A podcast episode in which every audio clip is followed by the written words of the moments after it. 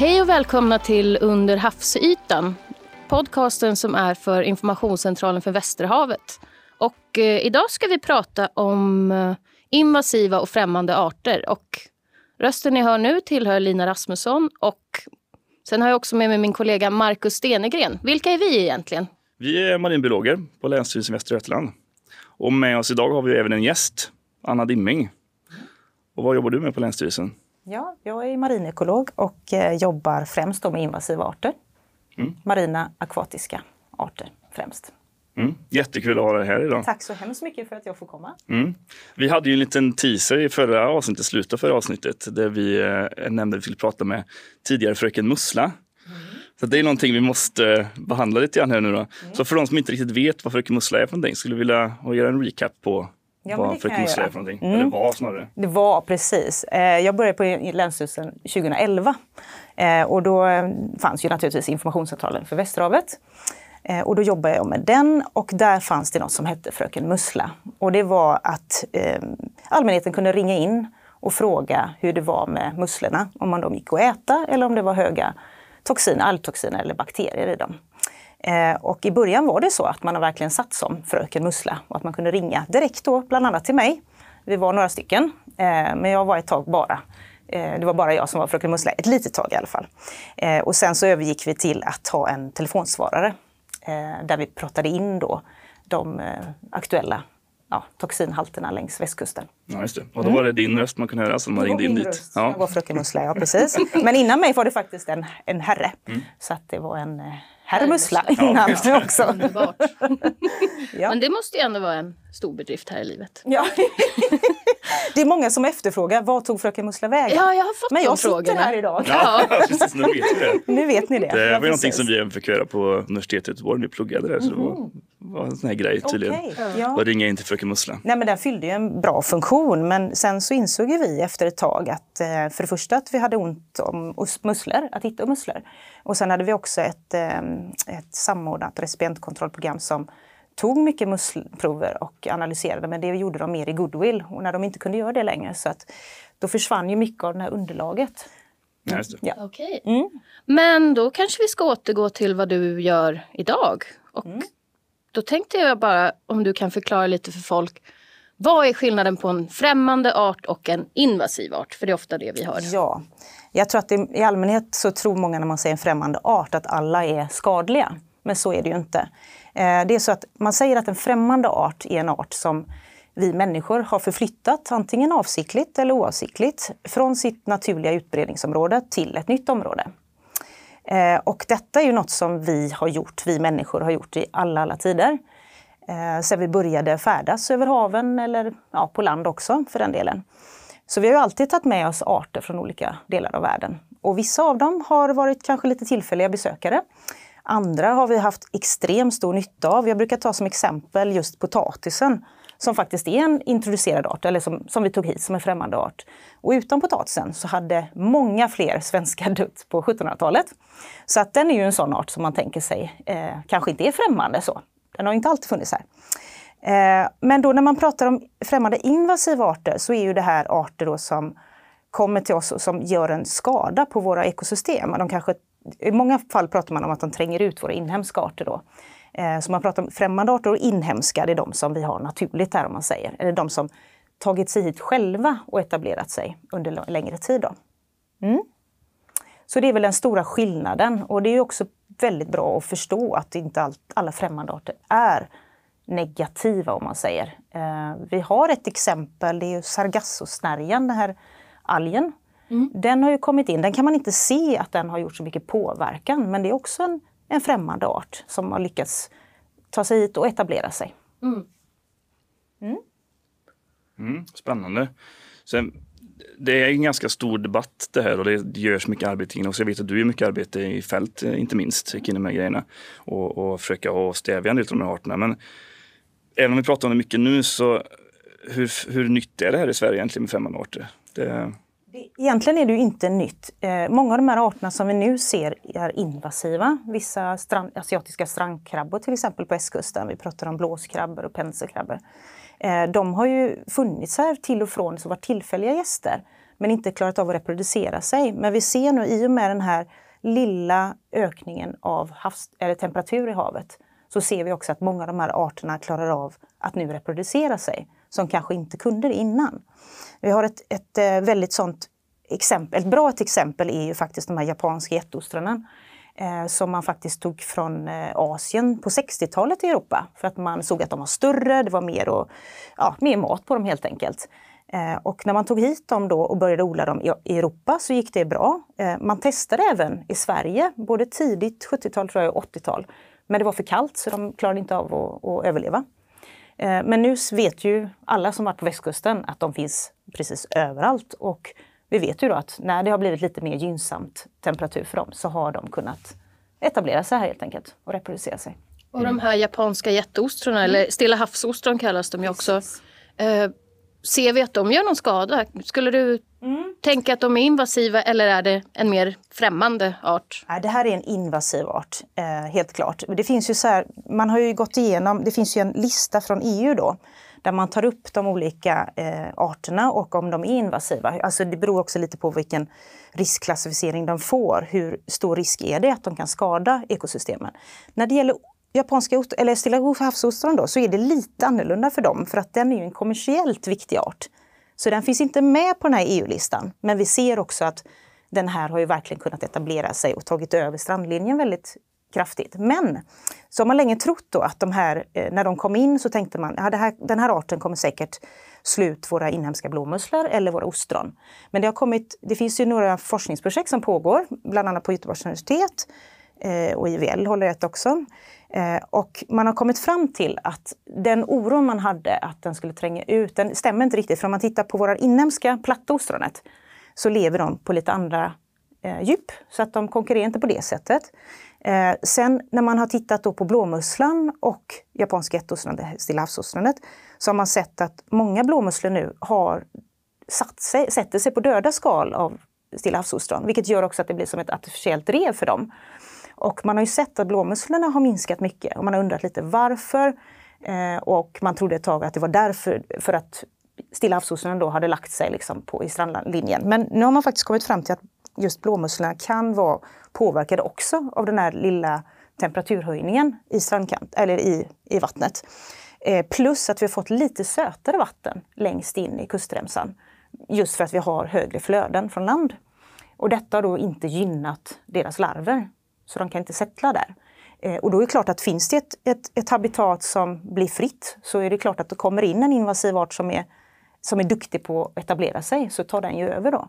Så det här är den senaste teorin man har kring mm. eh, detta då. Men det är klart att de, de, de tar ju plats, mm. helt klart.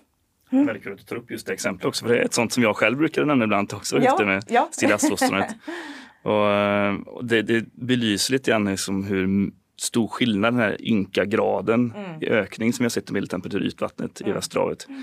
För det känns ju ofta lite tramsigt när man pratar om ett medeltemperaturökning på en halv grad kanske. och sådär. Men mm. nu pratar vi en grad och ändå så har vi fått in då den här eh, invasiva främmande arten som inte gick att ha ens i odling här för, på 60-talet. Då. Och det är ju så, vi har varit lite förskonade just för att vi har legat så nordligt innan. Mm. Men nu när vi inser att, eller nu när vi ser att vattenttemperaturen har ökat lite grann så ser vi också, det är därför det har blivit sån stor fokus på de senaste åren för vi har ju sett att många av de här tillfälliga gästerna har börjat etablera sig eller kunna reproducera sig. Mm. Mm.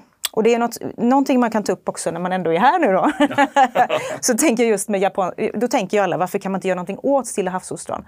Men det är ju så, vi har ju en, en eh, ganska gammal fiskerilagstiftning där det står att man bara får eh, plocka ostron eh, om man får markägarens lov. Och det står inte då inhemska ostron. Och det är också därför vi inte kunnat egentligen jobba med åtgärder mot den här arten. Eftersom det finns en lagstiftning som säger att man inte får jobba, jobba med den. Om man säger det. Precis, det faller under samma. Men detta är på gång har vi hört uppe på regeringsnivå att det ska ändras. Så att det kommer stå inhemska ostron och då kanske man kan mer jobba med den på ett annat sätt som man gör i andra länder. Mm. Och det är ju samma sak att de här är ju väldigt goda att äta. Mm. Så att om den här lagstiftningen slår igenom så blir det ju också möjligt för privatpersoner att gå ut och skörda de här i havet. För att de europeiska ostronen har ju gått tillbaka så pass mycket. Så det är ju också en bra sak om de här Absolut. reglerna ändras. Så är det. Mm. Men hur, vad är liksom de vanligaste vägarna som de här invasiva arterna kommer till Sverige? De mm. främmande arterna? Eh, de vanliga, nu pratar vi ju kustvatten ja. såklart, eh, för annars så finns det ju andra vägar också. Men främst är det ju barlastvatten, alltså det vattnet som finns i fartygen som stabiliserar lasten.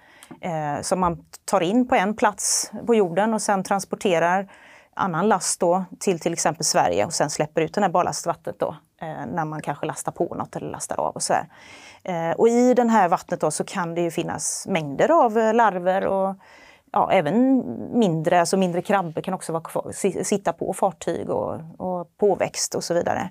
Eh, och på så sätt så kan de transporteras väldigt långt. Mm. Eh, och man, ser också, man vet ju att det som är gemensamt för många av de här arterna är också att de är väldigt tåliga. För de har ju då färdats eh, kanske långväga och det har varit varmt, det har varit kallt, det har varit olika salthalter. Men ändå så klarar de sig. Så, och det är det man märker väldigt mycket. Vi har vissa arter som kanske är duktiga på att reproducera sig i både sutt och salt medan mm. våra inhemska bara, bara är på ena kanske. Så det är klart att de kan sprida sig på ett annat sätt. Då. Mm. Och jag som jobbar mycket med alger, där är det ju också lätt för att alger de sprider sig ofta genom att de fragmenteras, att de blir små delar som sen följer med havsströmmarna. Så det är ofta så som mina Mi, mina invasiva rackare mina sprider sig. Det kan också sprida sig med strömmar. Nej men det gör de naturligtvis. Eh, vi vet ju, vi har ju sådana här dörrknackare som vi säger. Vi vet ju vad som finns lite nere i Europa som inte finns här än. När kommer det? Vi vet inte riktigt. Det beror kanske på temperatur men vi vet också att strömmarna går ju hit.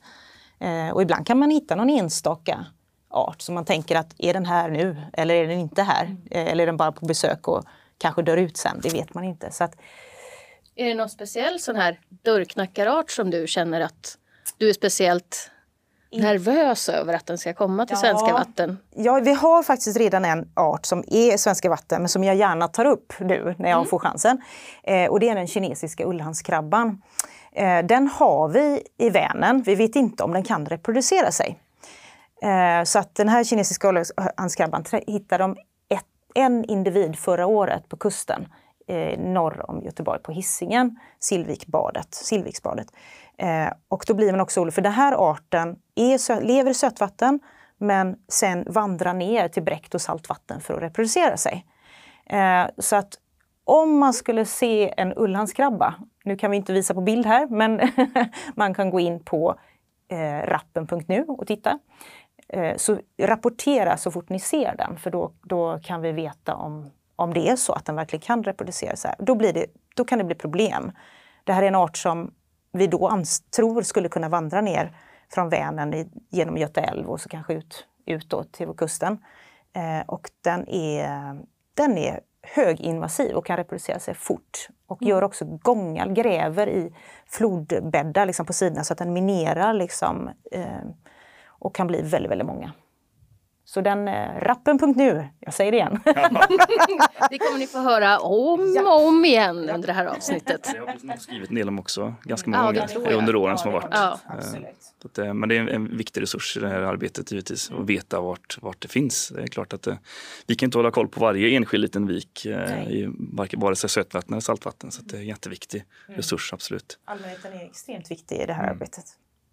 Har du någon sån art, Lina, som du skulle vilja lyfta? Ja, jag har ju jobbat mycket i England. Och mina kelpnissar där, de, de har ju fått eh, wakame.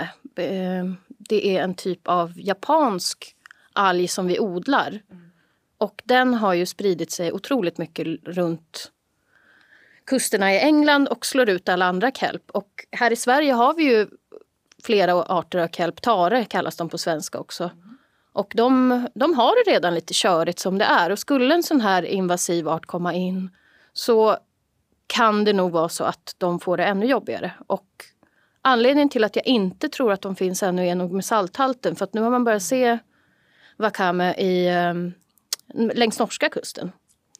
Och de har ju högre salthalt uppe i Norge. Men mm. blir det då en skillnad i salthalt eller strömningar så är det ju inte omöjligt att den kommer hit och ställer till, mm. ställer till det för våra tareskogar som vi har här. Mm. Ja, ibland kan man ju se att vi har eh, för hög salthalt för många av de arterna som kommer för reproduktion. Men ibland har vi också för låg salthalt. Mm. Vi har ju den här kamachak-krabban som finns i norska kusten. Den här som har vandrat ner då.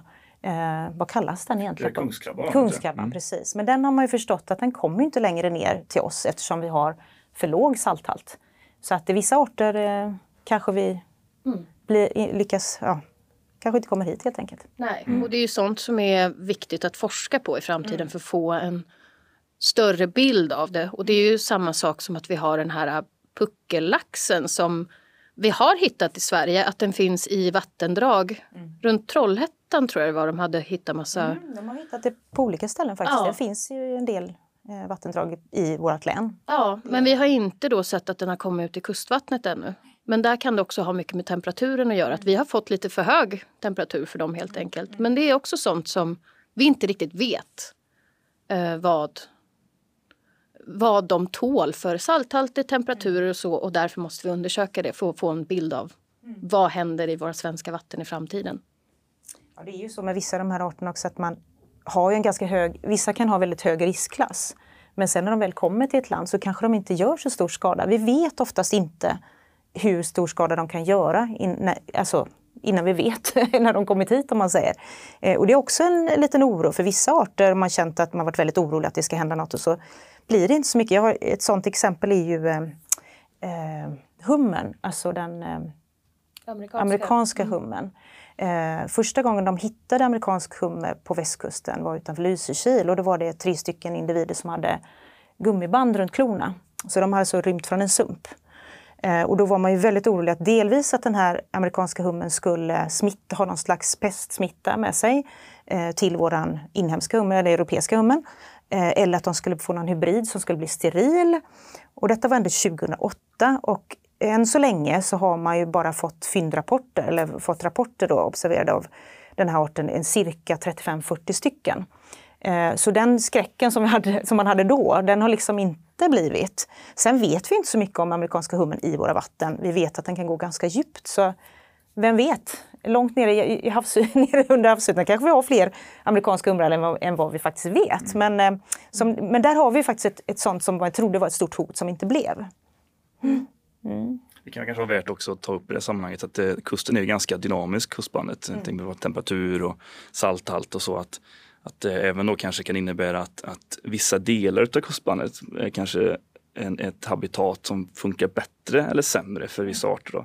Och där är den lokala påverkan återigen att det, varför det är så viktigt att man kanske inte kan ta ett tillskräpp och säga att nu kommer vi ha problem längs hela kusten med den här arten utan Nej. det kanske är en viss region bara. Och det är lite grann att tänka på med, med klängmedusen exempelvis mm. kring Tjörn och Orust som de verkar ha stannat där flera år i följd nu.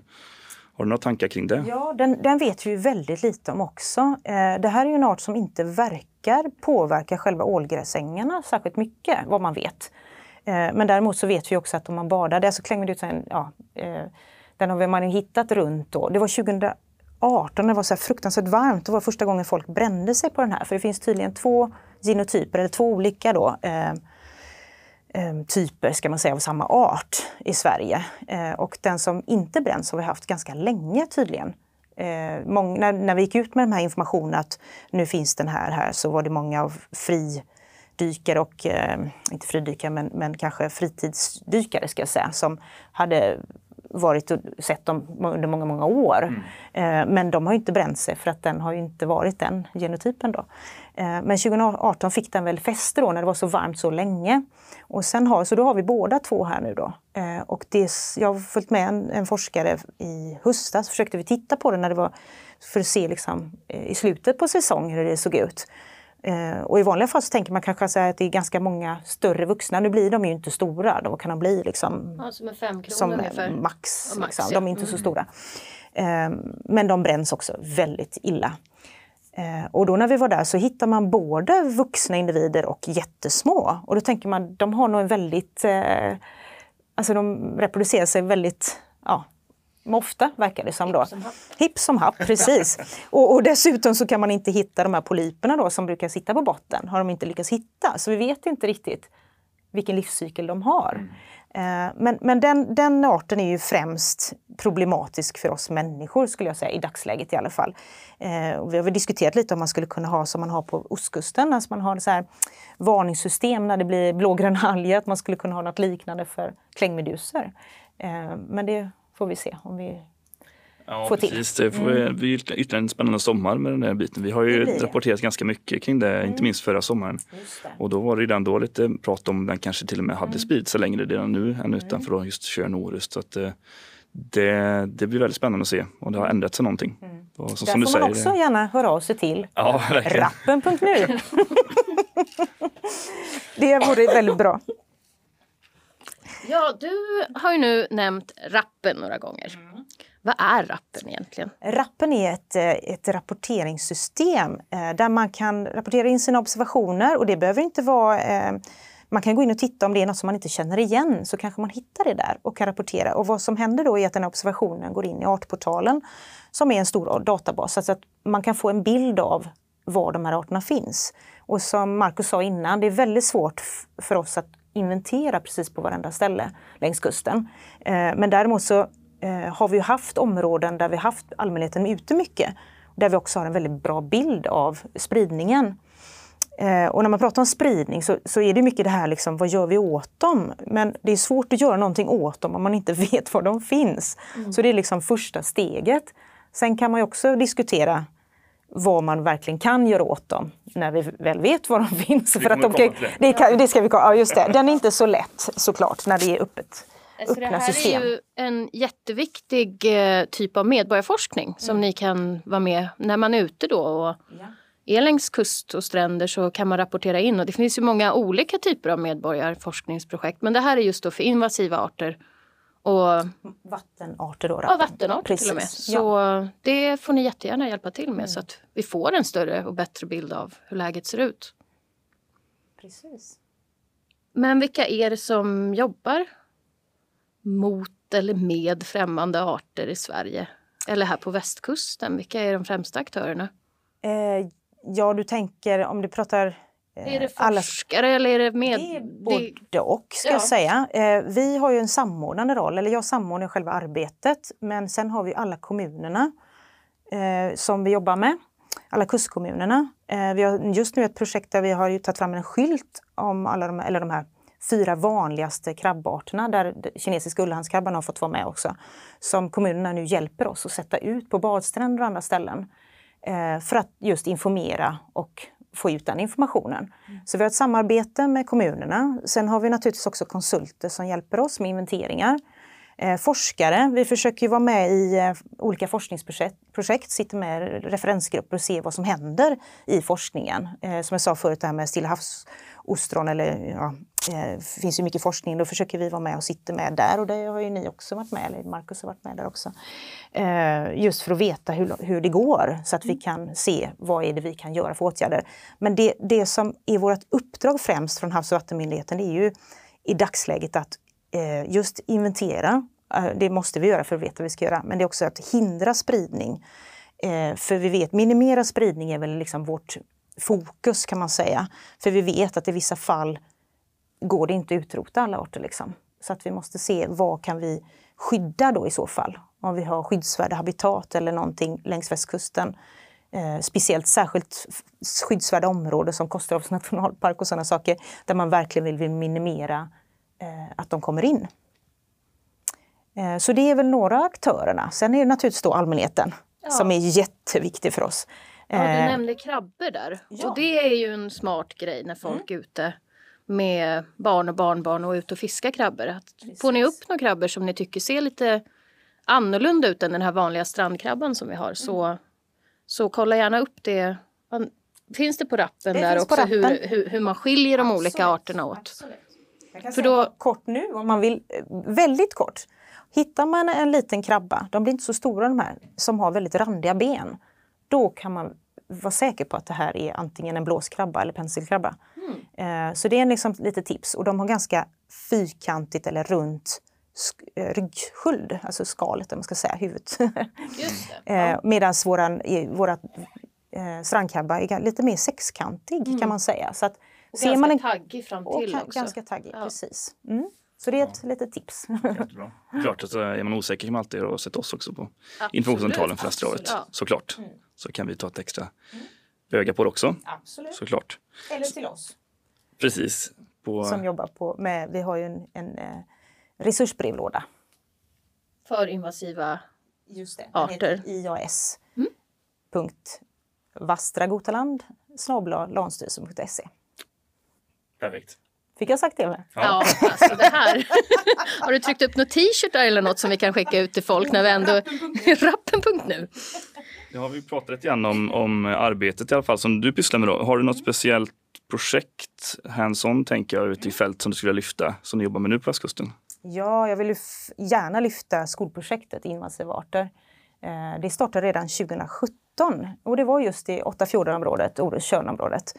Eh, och då har vi en fantastisk konsult, eh, Göteborgs marina, marinbiologiska laboratorium, som, eh, som jobbar för oss eh, och tillsammans då med Åtta Fjordar-projektet. Eh, och det, det, är ett projekt där man fortbildar lärare eh, om vår kustmiljö och om invasiva arter. Eh, och sen då så får de här eleverna vara ute i fält. Eh, och det är därför vi har så himla bra information och mycket information om de här asiatiska strandkrabborna just runt Orustjörn. För där har de här eleverna varit på många olika skolor. Så vi var väl uppe i 2019 då, innan vi sökte nya pengar, så var det väl eh, 1700 elever som var involverade i detta och många olika skolor då i fem kommuner. Eh, och nu har detta utvecklats för det vi sökte mer pengar så nu är det faktiskt nationellt. Så att är man intresserad så kan man också höra av sig, kanske till Informationscentralen för Västerhavet så kan ni förmedla vidare mm. eh, om det är någon skola som vill vara med i detta. För nu har vi fortsatt då längs västkusten och runt så nu ska vi även ha det på ostkusten. Spännande. Eh, och det är ett otroligt roligt eh, projekt för de flesta ungdomar blir väldigt engagerade. Och de gör också, när man är ute i fält så gör man precis det man skulle göra om man var ute och inventerade som en annan person, eller så här, som oss. Eh, vilket gör, och de rapporterar in då genom rappen.nu och då får vi också den informationen. Så att vi får ju en väldigt bra kartläggning av det här projektet. Mm. Så skulle man kunna kalla det för ett, ett väldigt framgångsrikt medborgarforskningsprojekt då? Det måste jag säga. det, det bästa skulle jag säga att det är. Absolut bästa, om du är opartisk. Ja, om jag är opartisk, precis. Så när vi ändå pratar om bitarna, finns det någonting som ändå, vi, vi pratade om spridningsvägarna, den här spridningsvägarna. Mm. Det lät som att det var väldigt stort, omfattande, det var liksom transportsektorn eh, till havs som släppte mm. ut ballastvatten och hela den här biten. Men finns det någonting som den enskilde personen eller människan kan tänka på i de här sammanhangen? Sammanhangen om man vill försöka eh, hjälpa till? Ja, det kanske gäller mer när det är sötvatten, när man håller på med båtar och man tar båt från ett vatten till ett annat och så här. Men eh, eh för oss, jag tänker mest eh, att man behöver rapportera. Det är väl det vi vill främst. Eh, du kanske hade en tanke där? Eller? Nej, egentligen inte. Det var själv, mest om det var någonting allmänt som man skulle tänka på kanske. Kanske inte alltid göra i alla fall. Det, man kan inte tvinga folk att, ta, ta aktivt tag i de här stackars eh, främmande arterna. Det är ju men... så här också, vi har ju gått ut med just den här krabbskylten som vi har där så säger vi också, det kan ju vara väldigt känsligt det här, det vet vi ju, att man ska avliva om man hittar en eh, asiat, alltså en blåskrabba eller en pensårskrabba. Eh, och eh, det har mycket diskussioner om vad som är mest humant, eller man ska säga. Eh, att ta död på en, på en invasiv art eller en mm. invasiv krabba. Och det är faktiskt så att man kan ju hjälpa till men jag vill inte rekommendera egentligen att alla ska gå runt och döda krabbor. Det känns, eh, jag vet att det är både jobbigt för barn och även vuxna. Eh, så egentligen vill jag nog bara att folk ska rapportera mm. i första hand. Mm. Sen så kan de gärna höra av sig och så säga, vet man verkligen säkert, ja men det här är en sån art. Så, så är det lämpligt att ta död på den liksom, med en sten kanske eller någonting. Då. Mm. Något hårt. Men det, men det är en väldigt känslig fråga. Ja, det är ehm, klart det. Det är det. Och vi har haft, det är klart att folk blir, eh, vad är det, vad, hur kan vi bestämma vad som ska leva och inte? Det blir en sån diskussion också som kan vara ganska svår. Men här har vi ju verkligen, vi har ju lagstiftningen på, i vissa lägen i alla fall. Vissa av de här EU-listade arterna som vi säger då, de ska vi ju egentligen enligt eh, lagstift eh, åtgärda och ta bort, avliva. Sen är det så att många av de arterna har vi inga, inga bra metoder att använda än. Nej. Så att det är inte helt lätt, eh, även om man skulle vilja. Mm. Mm. Mm. Har du någonting mer du undrar Markus eller börjar du känna att du, att du Nej, är absolut inte. Det var jättespännande det här. på invasiva arter nu? Ja, ja nära på i alla fall. Det är klart ja. att jag, jag ska inte ta över Annas jobb, absolut inte. Det. eller vem vet? Vem vet Anna? Nej, jag, håll i hatten. Jag håller i hatten. Ni är välkomna alla att jobba med mig. jag tänkte så här dock, för att, för att kanske avrunda det här på någonting lite mer positiv utsikt om vi blickar framåt. Finns det något i det här som, som ändå kan vara till nytta för oss människor i framtiden vi kan se? Absolut. Det är ju så att ibland så ser man ju vissa arter som vi kanske inte kommer kunna utrota som vi ser, de kommer stanna. Vi har ju ett exempel, svartmunnad smörbult. Det är ju en delikatessfisk nere där den kommer ifrån, runt Svarta havet. Eh, och eh, nu vet vi att den finns i Göteborgs skärgård. Vi inventerade den i höstas och det är ju faktiskt så att den skulle kunna bli vad jag kallar då havets falukorv, kanske, framöver. Alltså vi skulle kunna dra nytta den som en matfisk, ja. faktiskt. Mm. så att, eh, ja, så det finns ju mycket av detta naturligtvis. Det är alltid inte negativt. Eh, men när man ser att det blir väldigt stora förändringar i ett ekosystem så är det klart att det är inte bra. Men vi, det kommer ju ske en successiv förändring och vi kommer få ett nytt i så fall ekologiskt liksom, system fast det kommer dröja. Och just det som händer nu att vi har liksom den här ökningen i temperatur, att det går så pass fort. Det är väl det också som gör att det blir en så stor effekt. Mm. Eh, annars så har vi arter som hela tiden successivt genom evolutionen liksom, flyttar in mm. eller flyttar ut. Mm. Ja. ja, precis. Så med den mentala bilden av havets falukorv då så känner vi oss nöjda med främmande ja, invasiva arter. tackar Anna så mycket. Och sen kan vi ju köra en liten teaser för nästa avsnitt för att nu på senaste så har vi hört talas om valrossar som ligger och solar i Smögen och det är späckhuggare som nu är också utanför Smögen. Det låter snart som att Lina snart kommer vara utanför Smögen. Men så nästa avsnitt så tänkte jag och Marcus prata lite om de marina däggdjuren som vi har här på svenska västkusten. Så jag hoppas ni hakar på då. Spännande. Tack så mycket för att komma. Ja. Tack så hemskt mycket.